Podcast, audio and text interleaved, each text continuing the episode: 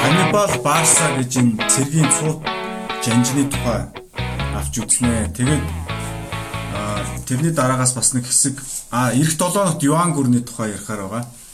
За өнөөдөр бол Ханибал Барсагийн тухай бүгдээрээ ярина. За тэгэхээр энэ Карфаген гэж одоо улс байсан. Энийний түүхийг бол та бүгд бас 10 жилдээ судалж үзчихсэн бахаа гэж бодож байна. За энэ Карфаген гэж улс бол одоо Ромын эзэнт гүрнийг сэргэн мандж явах үеийн одоо гол өрсөлдөгч, гол дайсан нь бол байсан. Тэгэхээр Ромын эзэнт гүрэн бол эхлээд Италийн хойгийг одоо захирсан байгаа. Италийн хойгийг нэгтгсэн. Ромчин бол өөрөө хот улс учраас Итали одоо Италийн хойгийг бүхэлд нь нэгтгэхэд за би энд Италийн хойгийг харуулъя. За энд үе чинь те. За энд харагдаж байгаа баг.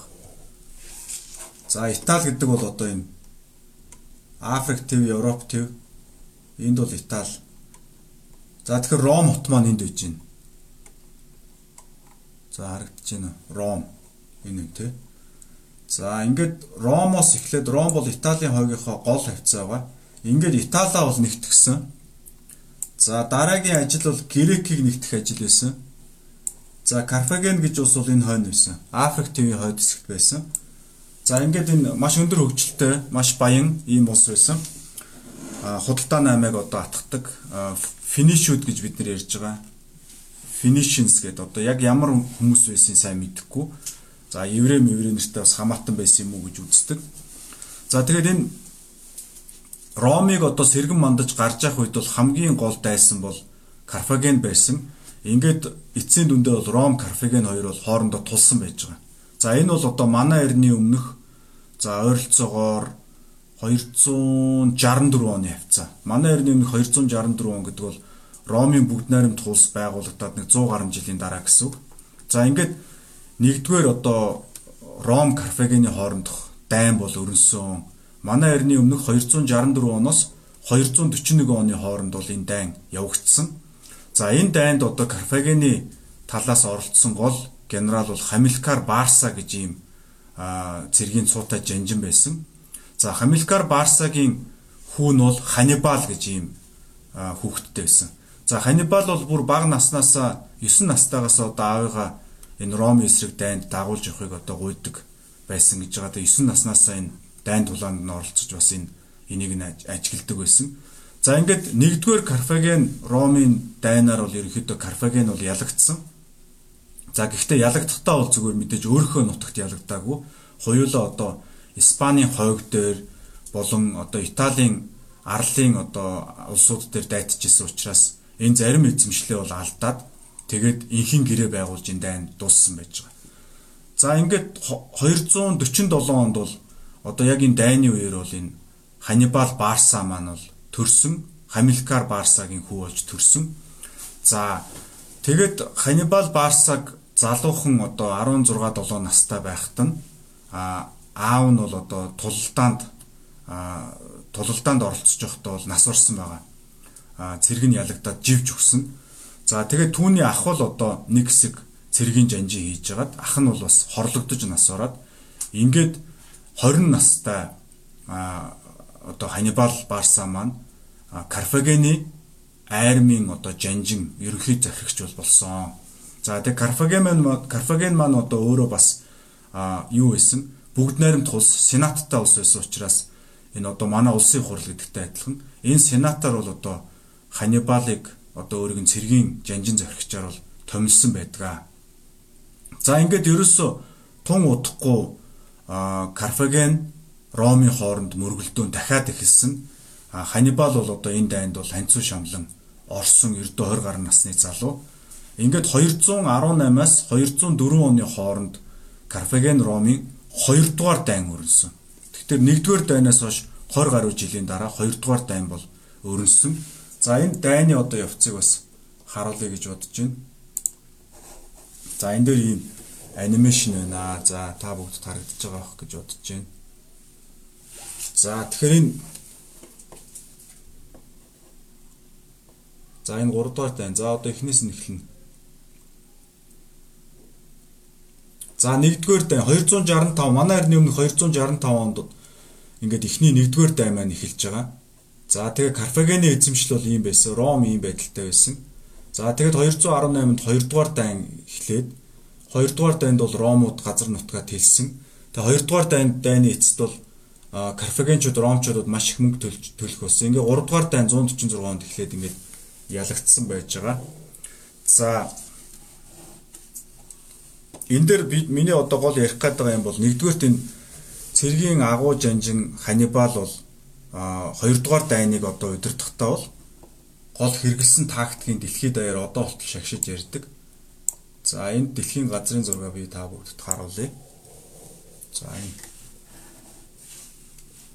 За энэ Африк ТV хойд хэсэг байна. За энэ Итали, энэ Испани, энд Альпийн нуруу байгаа. Альпийн нуруу. За жоох хоёртуулъя тий.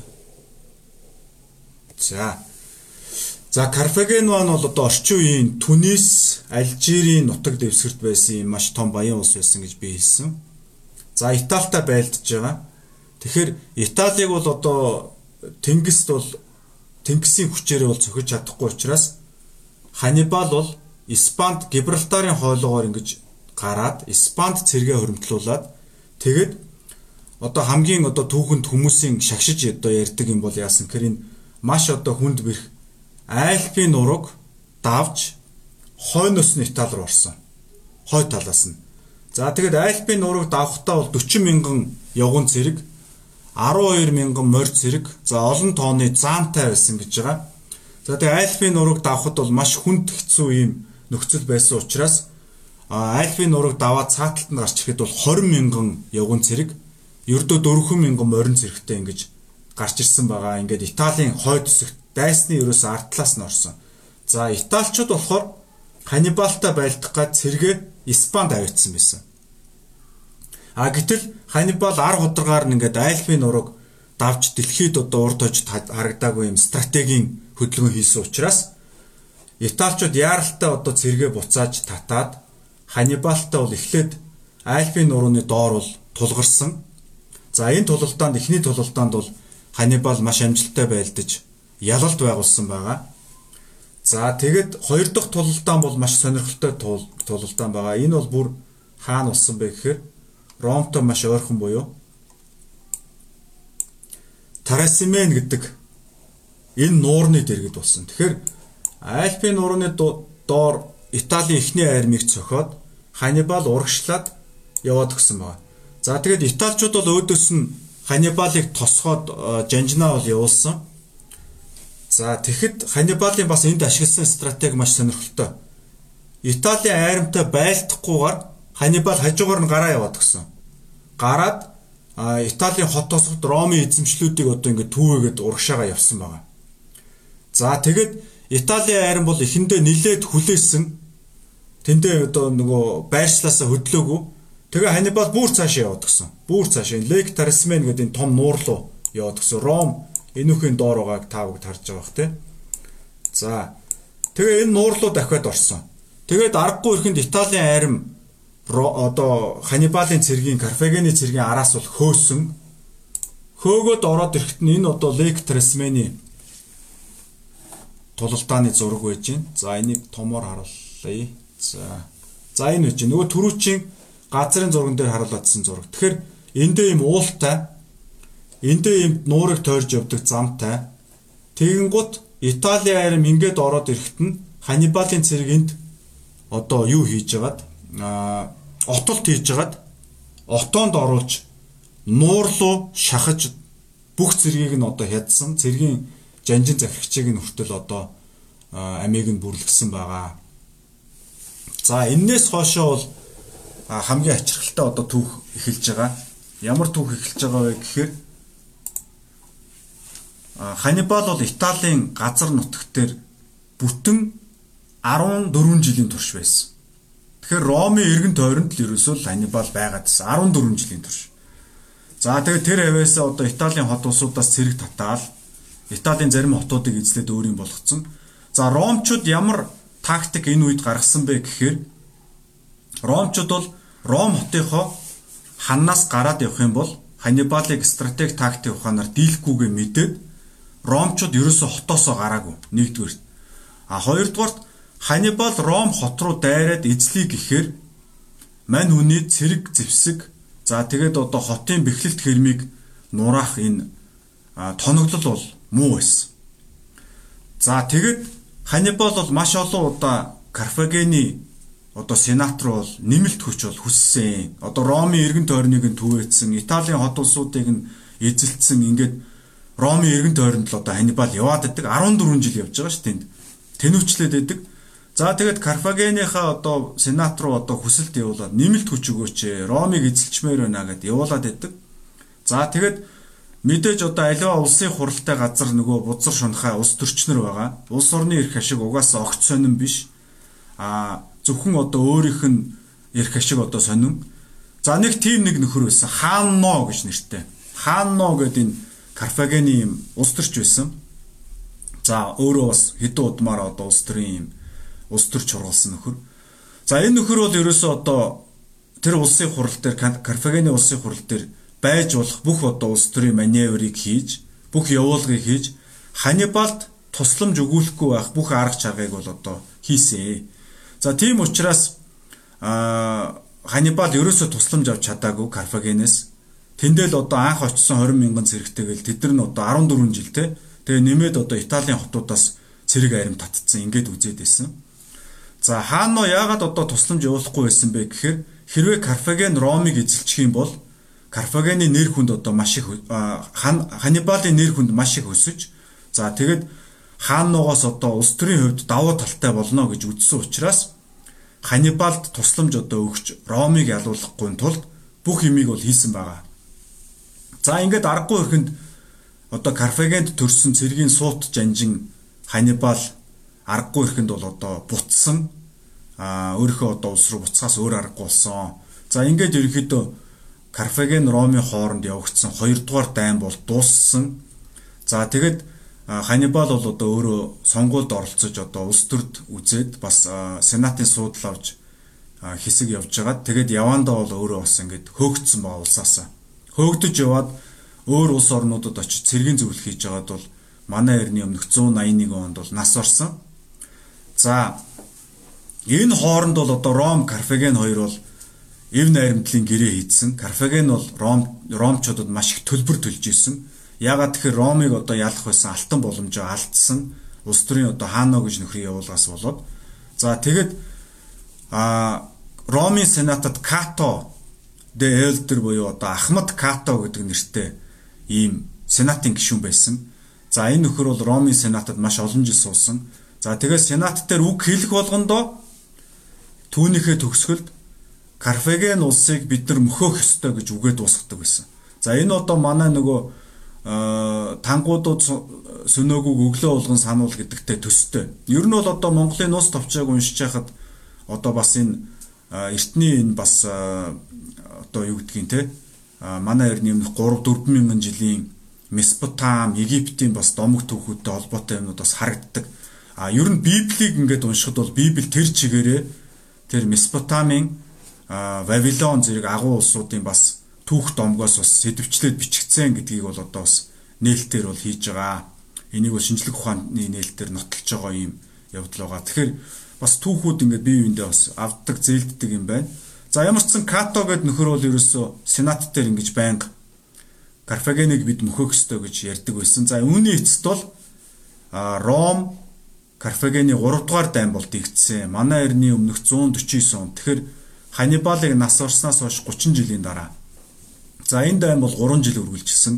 За ингээд Ромчууд сансандаа хүрч Карфагеныг бол цэргийг нь бол бут цогсон.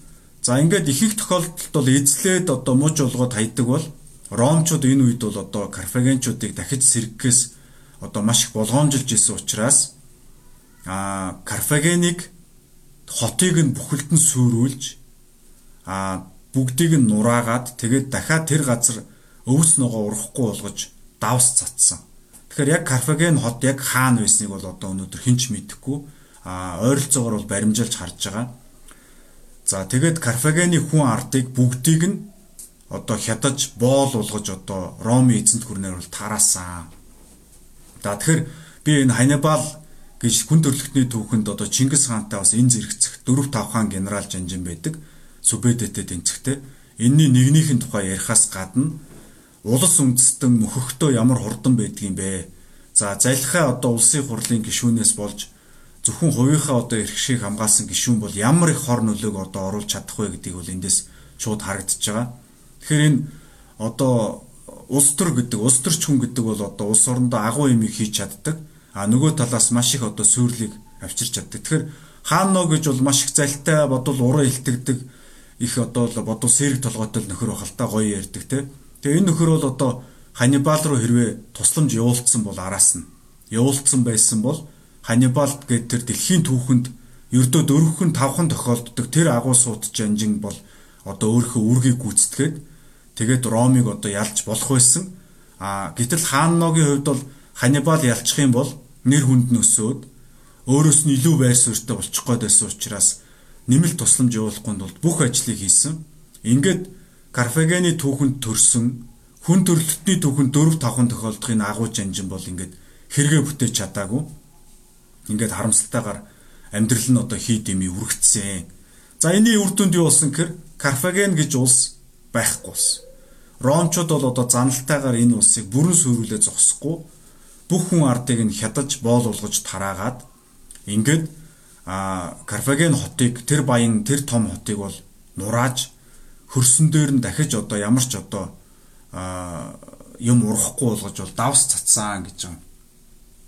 За тэгэхээр өнөөдрийн бидний одоо ярих энэ түүх бол бас ийм сонирхолтой, сургамжтай юм түүх байна. За тэгээд бүгдээр энэ чид айраг мариг ууж байгаа. Би сая мартаад айргаа харуулахгүй уухгүй л баахан ирсэн байна.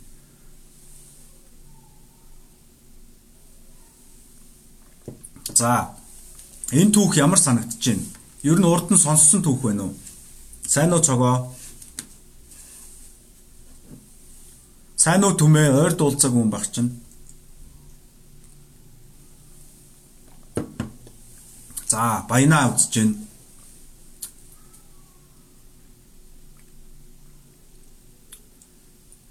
За комент бичээрэй манайхаа. Өнөөдрийн түүх гайгүй 20 минут болсон учраас ганц хоёр комент авч ярилцъя.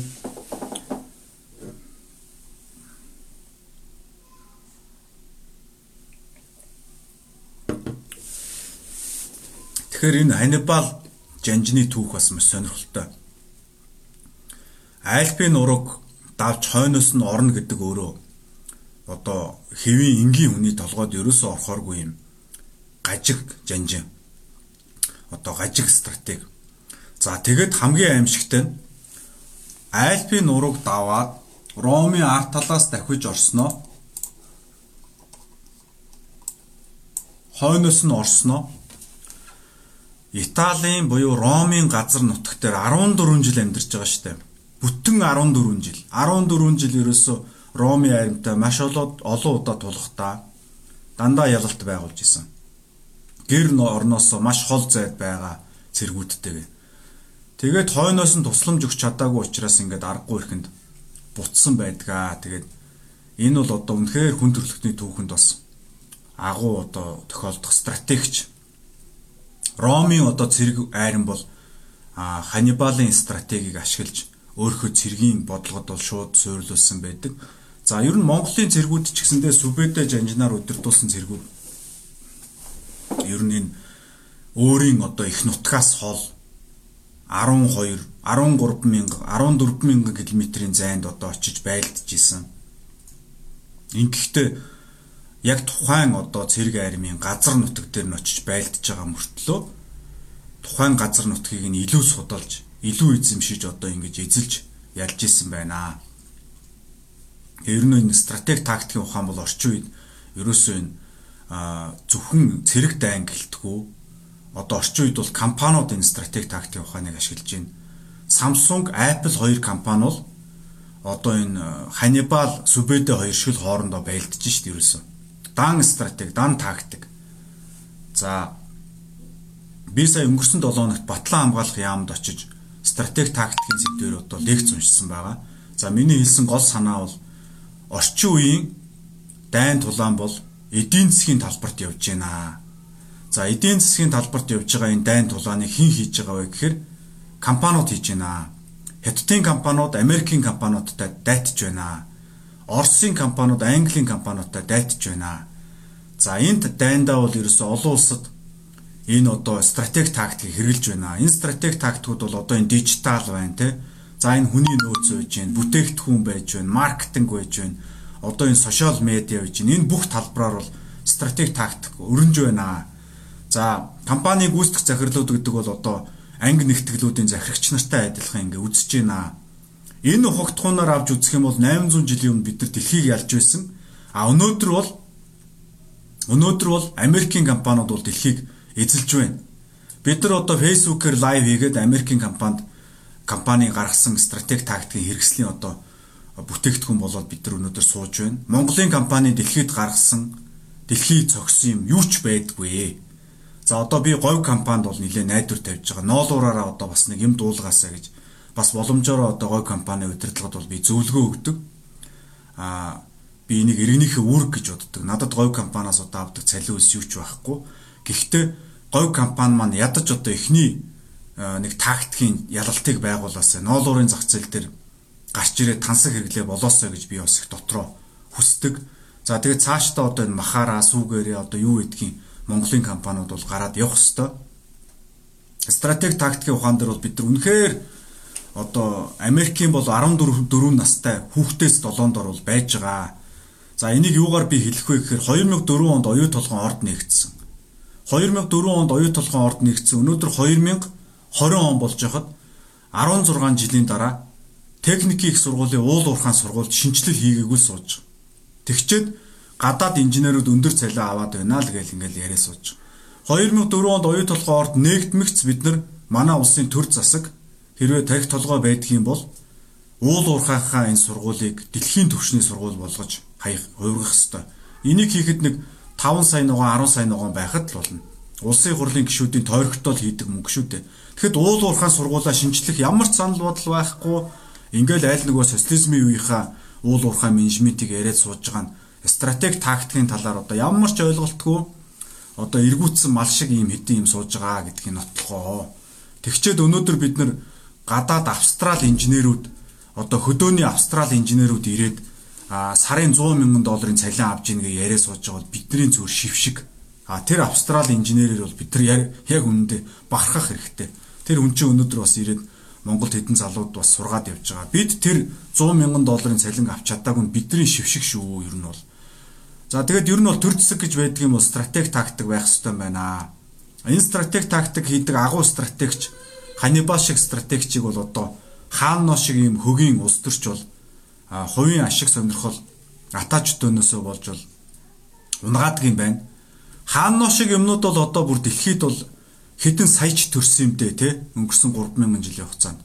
Ханибал шиг хүн тавал төрсөн шүү тавхан ширхэг дэлхийд төрсөн жанжингийн нэг нь Карфаген гэж улсад заяасан байна. Тэгтэл хэдэн саяараа байдаг ийм новшин хаанаа шиг амтай авчаал хааж байгаа. Тэгэхээр би та бүдэд юу хэлэх гэж байгаа вөхөр Тэмүүжин шиг, Ханибал шиг, Юли Цезар шиг стратегч, агуу стратегч маш ховор төрнөө. Маш ховор төрнөө. Энэ стратегч ард түмэн танихгүй, мэдхгүй өнгөрөөчөл эн чин хөөхий тэгэл эргүү мэдрэл юм шиг явж байгаа л тэр Италийн те Италийн хойгд ингээд 14 жил хөөрхий те. Би одоо бодохоор өрөвдөд байна Ханибалыг. Хөөрхий ингээд хойноос нь тусламж ирэх байх гээл те. Агуу жанжин. Жохон тусламж өгчих юм бол одоо сайн уу санчраа. Жохон тусламж өгчих юм бол одоо Ромыг эзэлчих гээд идэг. 14 жил энд ингээ хүлээгээ сууж байгаа байхгүй юу? Тэгэхээр агуу стратегч, агуу тактикч бол Сүбэдэ шиг, Тэмүүжин шиг, Хаано шиг, юу Ханибал шиг хүн бол цөөхөн төржин тэг тэрийг арт түмэн өөрөө таньж мэдхгүй бол ингээд хөөрхи одоо эргүү мэдрэл юм шиг тэнж яваад өгдөг байх нэ. Тэг хаануу шиг юмнууд бол угаасаа зөндөө байгаа манай улсын хурлаар бол одоо захаас нь аваад чигтгэд хог нэгэрэл байна. Сүүлийн 30 жил хэдчнээ ч одоо гарч төрсөн тийм ээ. Тэгэхээр энийг бид нар одоо таньмаар байна, мэдмээр байна, зохион байгуулалтанд орох хэрэгтэй, стратеги тактик хиймээр байна. Монголын компаниуд өнөөдөр Америкийн компаниудад цохиулаад стратеги тактикийн ямар ч ойлголтгүй өнөөдөр ингэж сууж байгаа нь бол бидний шившиг ээ. Өнөөдөр Америкийн компаниуд дэлхийг эзэлчлээ. Юугаар эзэлж байна? Стратеги тактикийн ухаанаар эзэлж байна. Би тэгээ батлан хамгаалах яамныханд юу гэж хэлсэн бэ гэхээр стратеги тактикийн ухааныг бол та нар цэргийн мэрэгчлүүд мэддэг шүү дээ. Энийг компани CEO нарт очиод заагаад өгөөч. Стратеги ном уншихаар ойлгодгүй юм байна хүмүүс. Би одоо стратеги тактик заах гад ингээд олон жил явж байна. Ойлгуулж чадахгүй хэцүү байна. Тэгээ амхандаа одоо айхтай түүх мүхгээ хийгээд сууж байна. Аа тэгээд энэ компани CEO нарт очиод тэр хааны эрэлтгээ тактикийн стратегийн тоглоом хийдэг хэвгүй юу цэргүүд. Энэндээ хийлгээч ээ. Одоо манай компани CEO нар ч бараг цэрэгт явж үзег хүмүүс байж байгаа. Тэгэхээр бүгдийг нь сайхан аваачаад Э, модон АК мака байруулад хөдөө авчиж байгаад яг цэргийн стратеги тактикийн тоглоомонд яг өөрийг нь гар бие оруулах замаар одоо яамаар байна. Стратеги тактик CEO нартай ойлгуулмаар. Монголын компани CEO нар стратеги тактик ойлгочих юм бол Монгол улсыг хөгжүүлэх шиг амархан байхгүй. А тэгээд тэр хаанаа шиг залхын залхаа новшин ийм улс төрчдөөс болгоомжилж байхад бол тэгээд бид нар бол ер нь дорн дэлхийг ялна. 3 сая хүнийг одоо баян болгох шиг амархан юм байхгүй Samsung шиг ганцхан компани гаргаад ирэхэд бол ерөөсөө бүгдийг нь баяжуулчих боломжтой. А өнөөдөр бол одоо баячууд нь улам баяжаад улам одоо өв залхамжлаад яагаад ч гэдгийг илүү мэдээлэлтэй, илүү их мэдээлэлтэй энийгээ дулдуулж одоо улам баялагийг өөрлөгөө татдаг ийм улс орн бол ерөөсөө байж болохгүй. А би долоон буудалд тэр Ханибал шиг Тэмүүжин шиг залуу төрж байгаа гарч ирж байгаа өвөр хангаа аймгийн аль нэг ууланд сүбэдэ шиг жанжин шиг стратегч тактикч гарч байгаа гэж гэдэгт итгэж байна. А хамгийн гол нь тэр залуучуудад бид нэр одоо өөрийнхөө эрдэм мэдлэгийг улс орондоо зарцуулах тэр боломжийг нь олгох ёстой. Энийг л одоо арчсан нийгэм тэгш боломж гэж ярьж байгаа. Энийний төлөө бол би ингээд зорж байгаа. За тэгэд а ер нь бол одоо стратеги тактикийн ухааныг бүгдээрээ ойлгох ёстой гэдэгтээ бол бүгд санал нийлж байгаа бах. А энийг номноос уншаад ойлгодог учраас энэ батлан хамгаалах яамнаас санаачлаг гаргаад хэрвээ энийг хамтраад ажиллах юм бол миний бие одоо зүтгэхэд билэн гэдгээ бол хэлсэн. За хоёрдугаарт энэ хаано шиг ийм залхаа улс төрчнөр бол компаниудад байдгаа. Ялангуяа том корпорациудад одоо шургалж орсон байдаг. Тэгээ нэг ийм дэд захирал яадаг захирал, идэг захирал гэдэг ингээд сууж идэг. Тэгээд ингээд шин юм ярьж байгаа, шин юм их гэж байгаа гүйцэтгэх захирлаа харлуулж идэг, муулж идэг. Ардуур нь одоо хуйлдаж ажлыг нь одоо унгааж идэг. Тэгэхээр стратегичийн арт талд ингээд суучаад жамуухтаад сууж идэг ийм нөхдүүд бол байдгаа. Тэгэхээр би юу гэж хэлэх гэж байгаа вөхөр чадaltaй бол гүйцэтгэх захирал болоо. Чадахгүй бол удирдахчаа болоод дагаа. Сүбэдэ шиг борч шиг өөрийнхөө удирдахчийг болоод даг. А чи удирдахч биш юм бол удирдахчаа болоод дагагч болоо. Дагагч болоод тэр удирдахчийн одоо үйл хэргийг дагаад тэрэнд одоо өөрийнхөө хувь нэмрийг оруулснаар дэлхийн түүхэнд бичигдэх юм хийж болно. А тэгэхгүй удирдахч ч биш, дагагч ч биш ийм улс төрч хүмүүс бол компанид хэрэггүй шүү гэдгийг бол би хэлж байна. Тэгээд сүүлийн одоо 12 3 жил гүйцэтгэх захирлын ажил хийсэн. Тийм дэд захирлууд компани дотор ингээд сууж идэг улс төрчнэрийг бол зөндөө олон харсан, таньсан, мэдсэн.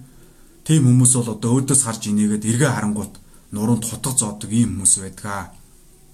Тэгээ ер нь бол хүний амьдрал бол одоо улс төрөөр тодорхойлогдохгүй. Хүний амьдрал бол хийсэн үйлдэл бүтээлээр бол тодорхойлогдно. Тэгээд э, би энд одоо Монголын том компаниудад ажилладаг газрын захирал, хилцээний захирал, дэд захирлууд байгаа бол би нэг юм захиж хэлэх гэж байгаа. Та нар шүү дээ удирдахч бол чадахгүй бол дагагч бол хэрвээ гүйцэтгэх захирал чинь та нарт таалагдахгүй бол ажилласаа гар. Компаниа муулаад гүйцэтгэх захирлаад муулаад сууж байгаа сууж байгаа бол энэ нь таны өөрөө чинь шившиг бохгүй юу? Та шившиг. Тэрнээс таны гүйцэтгэх захирал компани чинь биш.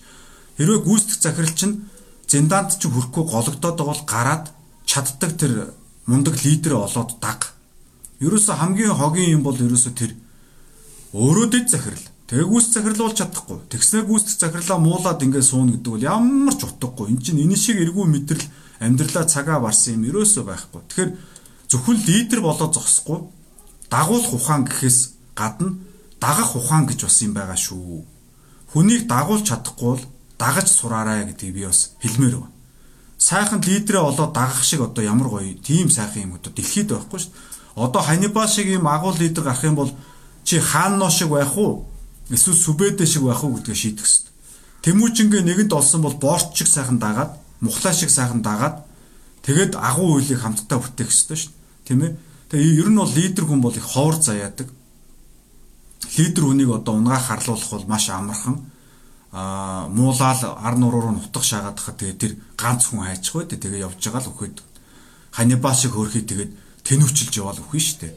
За тэгэхээр ер нь бол зүгээр бас залуучуудаа хэлэхэд тийм байгаа шүү. Тэгээ өнөөдөр нэг юм хүн төрлөختний агуу сод ухаан, стратегч, тактикч ханибал гэж хүн түүний эмгэнэлтэй хувь заяа хаано гэж залхаа одоо улс төрч хогийн нуруунд хутгах шаадаг ийм улс төрч тэгээд Карфаген гэж ард түмний эмгэнэлтэй мөхлийн талаар та бүгдтэй одоо хуваалцлаа. Тэгээд сонирхолтой түүх байсан баг гэж найдаж байна.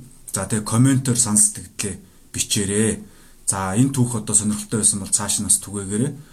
Монгол улсад бид нар стратеги тактикийн ухааныг нэвтрүүлж болно. Бид нар энэ дэлхийн агуу түүхүүдээс суралцж болно.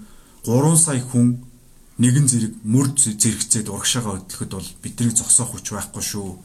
За ингээд та бүгдтэй сайхан амраараа шин 7 хоногт нь амжилт төсөй. Амралтын сайхан өдөр юм байлээ. Эхнэр хүүхэд нөхрүүдтэйгээ сайхан аз жаргалтай өнгөрүүлээрэ. Баярлалаа баяртай.